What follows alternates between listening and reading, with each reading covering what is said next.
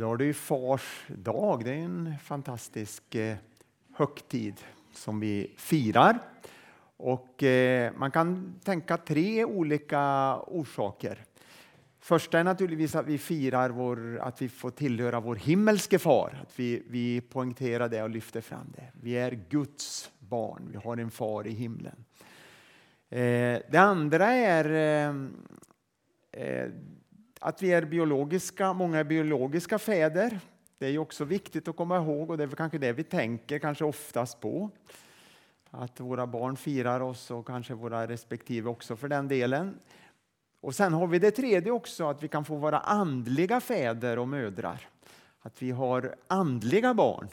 Det är också viktigt att komma ihåg och lyfta fram. Så det, det finns eh, många orsaker, flera orsaker till att fira den här dagen, Fars dag. Det ska vi göra också när vi tar lite kaffe efteråt och har gemenskap, att vi tänker på det också. Vår himmelske far, men också att vi är fäder. Eh, en del biologiska, men alla, om vi tillhör Jesus Kristus, kan vi vara andliga fäder. Så det inkluderar varenda en. Eh, vi ska fortsätta med apostlagärningarna idag. Och eh, jag satt som rubrik Apostlagärningarna del 3. Det kommer att bli en del delar här med Apostlagärningarna. Vi får se om det blir kanske ett par gånger till innan den här sidan om julen och sen kanske vi fortsätter lite till sen efteråt. In på det nya året sen. Det finns ju mycket som helst från Apostlagärningarna.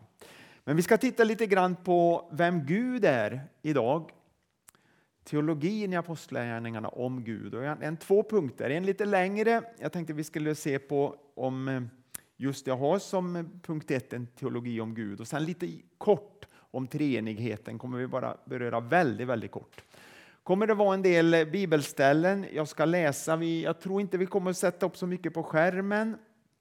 Eh, men de två första bibelställena vill jag gärna ha med och det är Apostlagärningarna 2.47.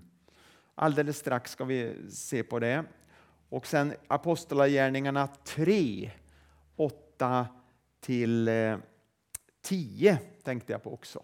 De två skulle jag gärna vilja vi får se framifrån. Apostlagärningarna 2.47 och Apostlagärningarna 3, 8 till 10. Det var en eh, dotter till en pastor. Hon frågade sin mamma varför ber pappa jämt innan predikan? Alltså en bön innan predikan. så här. Och eh, mamman eh, svarade, jo, pappa ber om att Gud ska hjälpa honom när han predikar.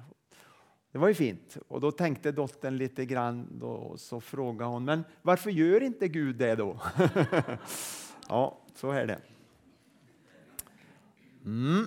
Men jag ber nu och jag hoppas att Gud ska hjälpa. Oj.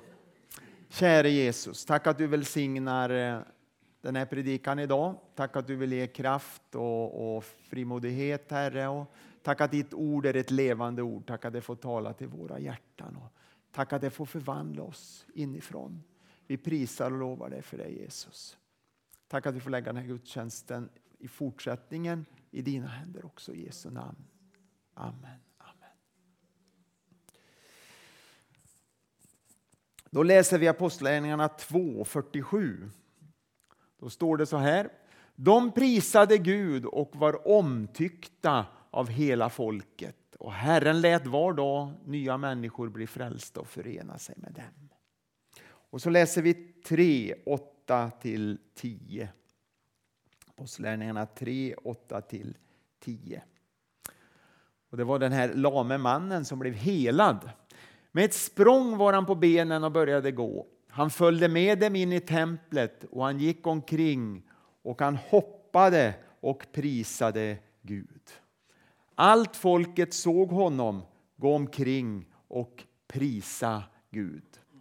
Och när de upptäckte att det var mannen som brukade sitta och tigga utanför templet vid sköna porten fylldes de av bävan och häpnad över vad som hade hänt med honom.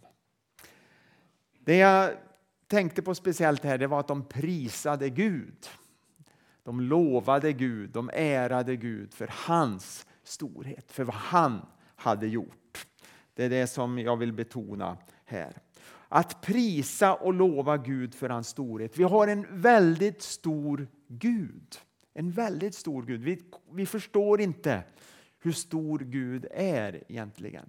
Men när man läser Guds ord och när man läser apostlagärningarna då förstår man, då kan man ana lite grann av hans storhet. Och Det är det jag hoppas ska komma fram idag i den här predikan. Guds storhet, att vi får förundras, att vi får upptäcka mer av, han, av vem han är och vad han har gjort.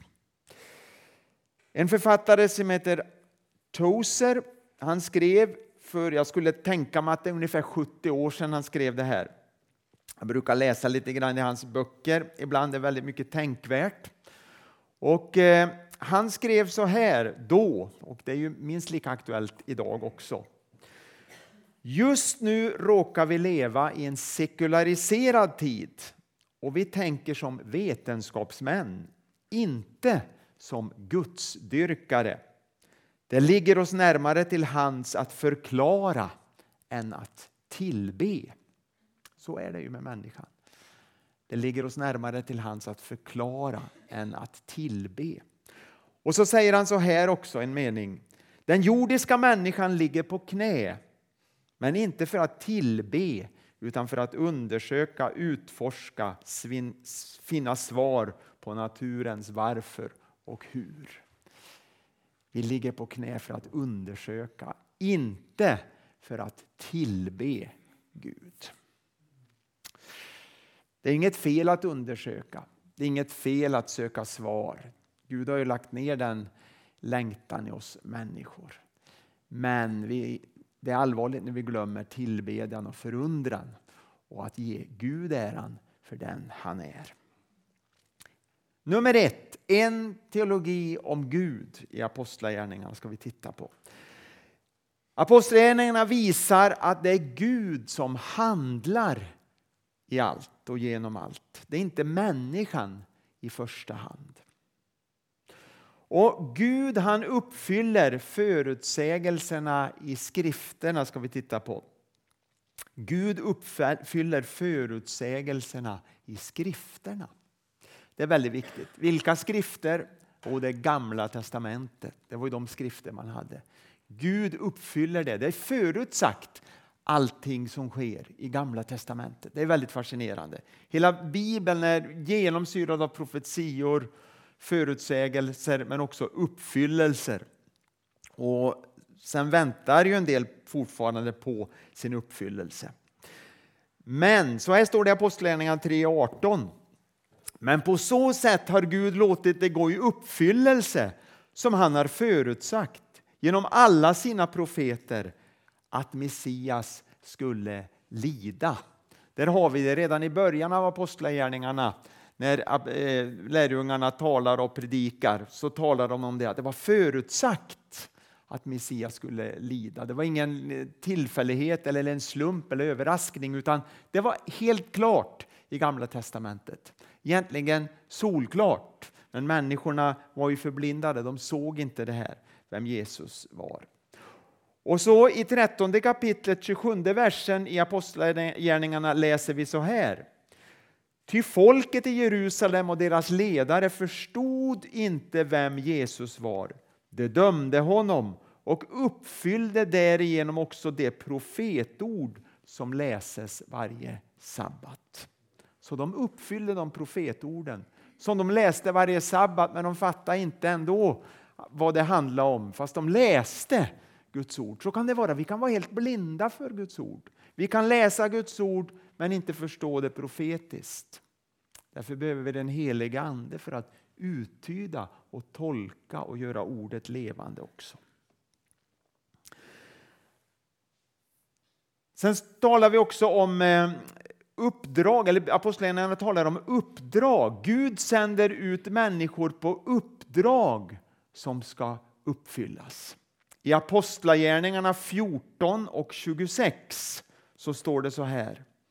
Därifrån seglade det till Antiochia, den plats där man hade överlämnat dem mot Guds nåd inför det uppdrag som de nu hade fullgjort.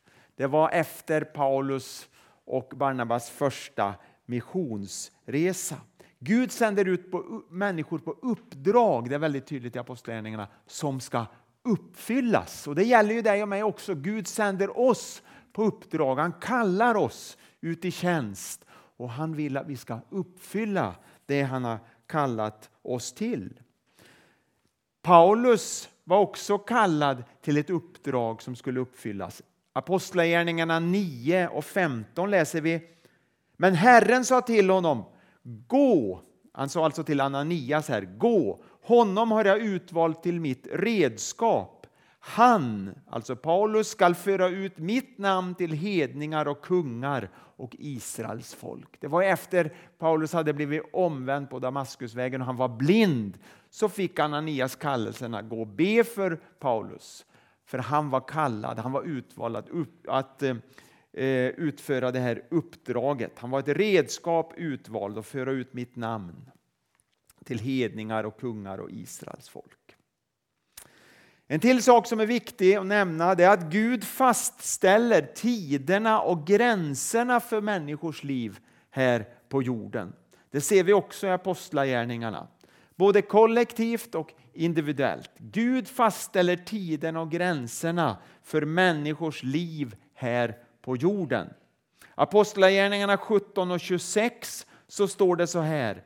Av en enda människa har han skapat alla folk han har låtit dem bo över hela jordens yta och han har fastställt bestämda tider för dem och det är gränser inom vilka de skall bo. Gud har fastställt tider och gränser för oss människor, både enskilt och för hela folket. Det här är väldigt intressant. Har Gud bestämt hur långt mitt liv ska vara? Det kan man fundera på. Vet Gud hur länge jag kommer att leva här på jorden? Ja, det är klart han vet. Gud är ju alls, allvetande, allsmäktig. Han vet allt.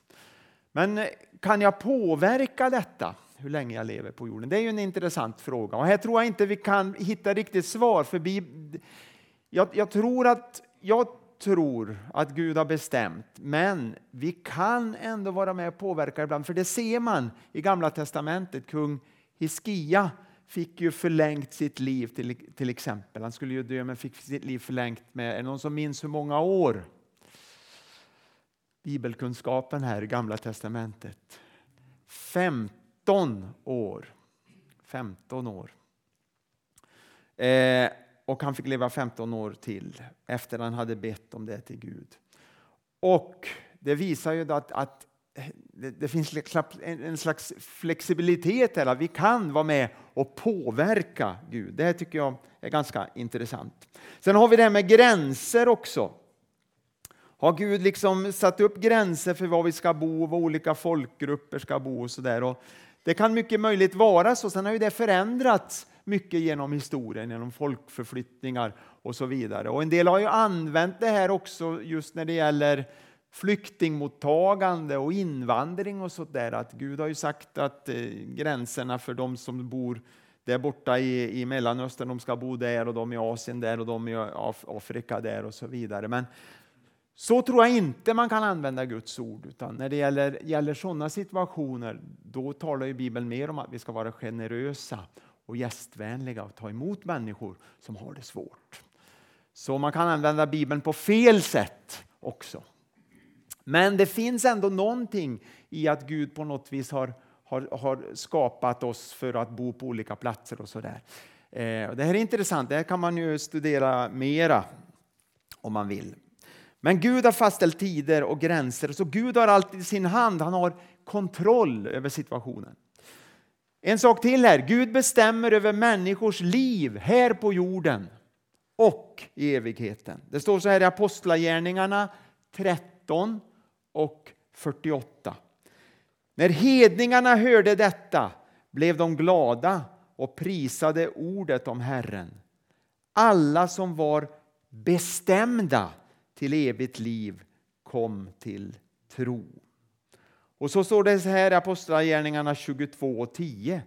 Jag frågade, vad skall jag göra, Herre? Och Herren svarade, gå genast till Damaskus där skall du få veta allt som du utsätts att göra. Och så finns det ett bibelord till jag tänkte på här, Apostlagärningarna 17 och 31. Ty han har fastställt en dag då han skall döma världen genom en man som han i förväg har bestämt därtill. Så Gud han bestämmer alltså eh, över människors liv här på jorden och också för evigheten. Bestämda till evigt liv. Är det så att Gud har bestämt människor för att bli frälsta innan de är födda eller inte? kan man också fundera på. Gud han vet ju allt, men samtidigt så har vi en fri vilja och det här blir ju lite speciellt, komplicerat då och eh, det handlar ju om vår relation till Gud. Och det, det, är svårt att svara på allt det här, men naturligtvis vet Gud på något sätt allt som kommer att ske, allt som ska hända, för han är ju allvetande, allsmäktig. Jag tror inte man kan gå för djupt och grubbla på det där, för då är det ganska svårt. Och då blir man, kan man bli, det, det är liksom svårt att, att liksom hitta Eh, riktigt hur det fungerar. Jag tror inte det är meningen att vi ska förstå det. Men det är ändå viktigt att se att Gud har allt i sin hand. Han, utser och han kallar människor, till och med redan innan de är födda, talar ju Bibeln om. Profeten i Gamla Testamentet, flera exempel, och Paulus också. Utsedd innan han var född. Jag tror att Gud såg dig och mig innan vi var födda, innan vi fanns till. Gud såg oss redan när vi fanns i mammas mage. Ja, redan innan det så såg Gud oss och hade en tanke och en plan med våra liv. Och Gud har utsett oss för att utföra uppgifter i hans rike. Och så tänkte jag på det sista bibelordet jag läste att han har fastställt en dag då han ska döma världen. Och det är ju genom en man som har låtit uppstå från de döda. Det är Jesus Kristus. Han har fastställt en dag.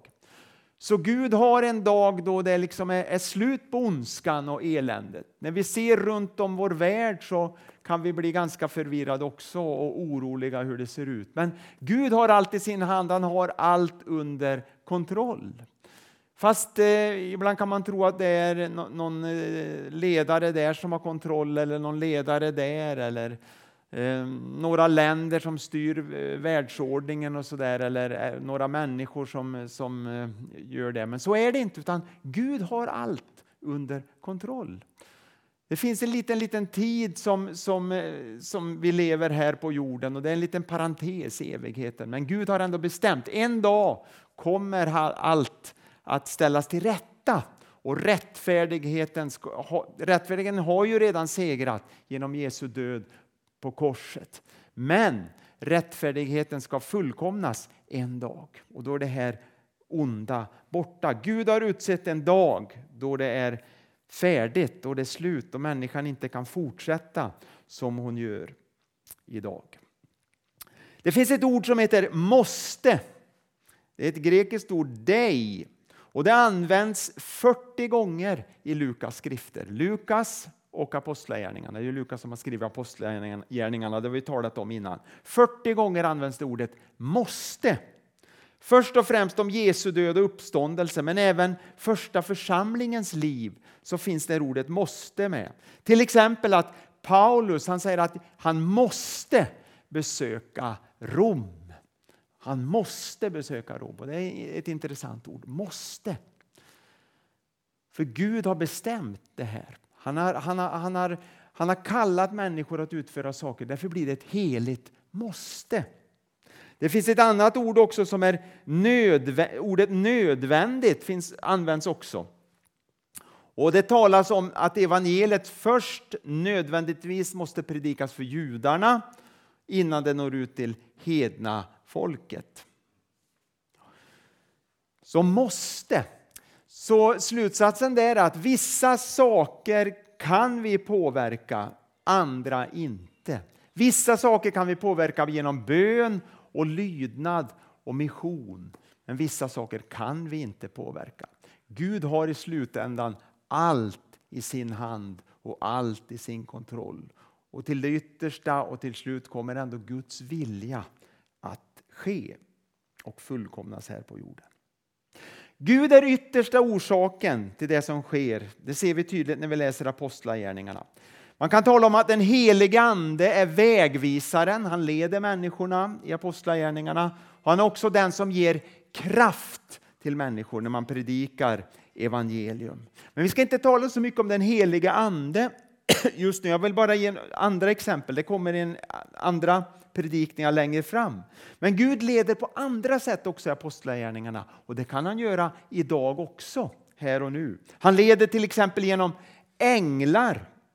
I Apostlagärningarna 5 och 19 så står det om att en ängel öppnade fängelsets dörrar för apostlarna. När de satt i fängelse så öppnade en ängel dörrarna. I tionde kapitlet och tredje versen står det om Cornelius, den här romerske eh, officeren. Han, han säger att han i en syn tydligt såg, vad då? Jo, en ängel. Och tolfte kapitlet, 7-15 i Apostlagärningarna, så talas det om att Petrus räddas från fängelset av en ängel. En ängel kommer och för Petrus ut ur fängelset. Änglar är, förekommer vid flera tillfällen i apostlagärningarna. Ja, genom hela Bibeln naturligtvis, men just i apostlagärningarna här. Och jag tror att vi kan få uppleva och se änglar även idag. Det är inget som bara var på Bibelns tid, utan det är lika verkligt idag. Det står ju om att de är Guds tjänsteandar. Så vi kan räkna med änglar också. Sen talas det också om hur Gud använder profetia. Det står i Apostlagärningarna 11 och 28 om profeten Agabus som talar om en svår hungersnöd som skulle komma. Och Den är också bekräftad rent historiskt att den kom senare, några år senare. Och Det var profeten Agabus som frambar ett profetiskt budskap. Och Sen finns det också exempel på syner, att människor såg syner. Jag vet inte hur de såg, om de såg det rent fysiskt eller om det var i sin ande man såg, men det var helt verkligt det man upplevde. Och Det står till exempel då i elfte kapitlet Apostlagärningarna 5-10 att Petrus när han var på taket och bad så såg han orena djur komma ner en stor linneduk från himlen. Och Det var ett budskap från Gud genom den heliga Ande att hedningarna också skulle få del av evangeliet. Och Sen talas det också om eh, Paulus att han ser en makedonier i Apostlagärningarna 16, vers 9-10. Så står det att han ser en makedonier som ropar på hjälp. Kom och hjälp oss! Och Det är då evangeliet kommer till Europa för första gången. En makedonier ropar kom och hjälp oss. Det här var en väldigt avgörande situation. Och Det var genom en, en syn som Paulus hade. Så Gud kan använda syner. Jag vet inte om du har sett någon syn, det är mycket möjligt. Det finns människor idag som kan vittna om det. Vi har sett en syn. Vi har sett det här att Gud har talat om det här och det har varit väldigt tydligt och verkligt. Apostlagärningarna visar på hur Gud vill genom sin frälsningsplan föra människor tillbaka till honom själv. Det är den röda tråden i Apostlagärningarna. Och Gud har en suverän plan och ett sätt att styra dit han vill. Så han har all makt i himlen och på jorden. Han har allt under kontroll. Och i Apostlagärningarna 2 och 23 i början där på, i pingstpredikan, då säger Petrus så här om Jesus. Han utlämnades efter Guds beslut och plan. Det var klart. Efter Guds beslut och plan så utlämnades Jesus. Låt mig avsluta bara kort några saker om treenigheten också. Läran om Gud, sa jag här. Vi har talat om vem, vem Gud är enligt apostlagärningarna, lite grann. Det finns så otroligt mycket att säga. Men också det här med treenigheten. I apostlagärningarna så finns det ingen tydlig lära om treenigheten. Man kan inte slå upp apostlagärningarna så här i kapitel det och det och läsa en vers och så står det tydligt att treenigheten är Fadern, Sonen och Anden. Det finns inte, och det finns ingenstans i Bibeln ordet treenighet. Det kritiserar ju till exempel Jehovas vittnen. De säger ju att det är en falsk lära, för det står inte i Bibeln. Och de har rätt eh, så tillvida att ordet treenighet inte finns i Bibeln. Men de har helt fel att inte det finns en treenig Gud. För det är väldigt tydligt i Bibeln att Gud är Fadern, han är Sonen, Jesus Kristus och den helige Ande. Och Det där är ju ett mysterium hur Gud är, kan, är en, för det är han absolut en, det är inte tre gudar. Men han ändå är tre. Vi ska inte gå in så mycket på just det.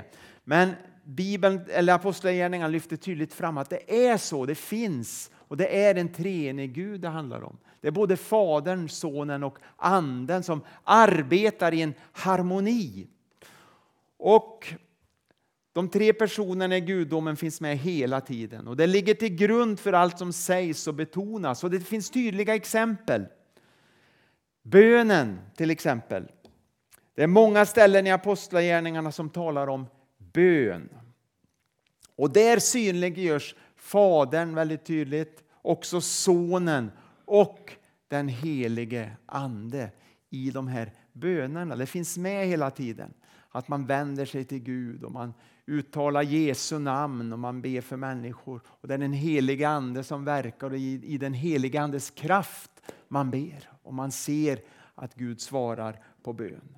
Ibland brukar vi säga så här, och jag tror det ligger någonting i det, att vi ska be till Fadern genom Sonen Jesus Kristus i den helige Ande. Att vi vänder oss till Fadern och ber genom Jesus, genom Sonen, i, be i den helige Ande. Jag tror Gud lyssnar ändå för om vi ber till Jesus eller om vi säger helige Ande, hjälp mig idag. Det är inte så naturligtvis. Men för att ändå få liksom en, ett, en liten bild och ett begrepp att Fadern, han är där i himlen, han är på tronen, han är den högsta, han är den största, han är mäktig. Men att vi inte får glömma bort Jesu namn, att det är ändå genom Jesus Kristus vi får komma till Fadern. Det är genom Jesus Kristus vi får komma. Och hur ber vi rätt? Jo, det talar också Bibeln om, i den heliga Ande. Anden leder oss i våra böner. Så det är liksom en hjälp det där. Be till Fadern genom Jesus i den helige Ande.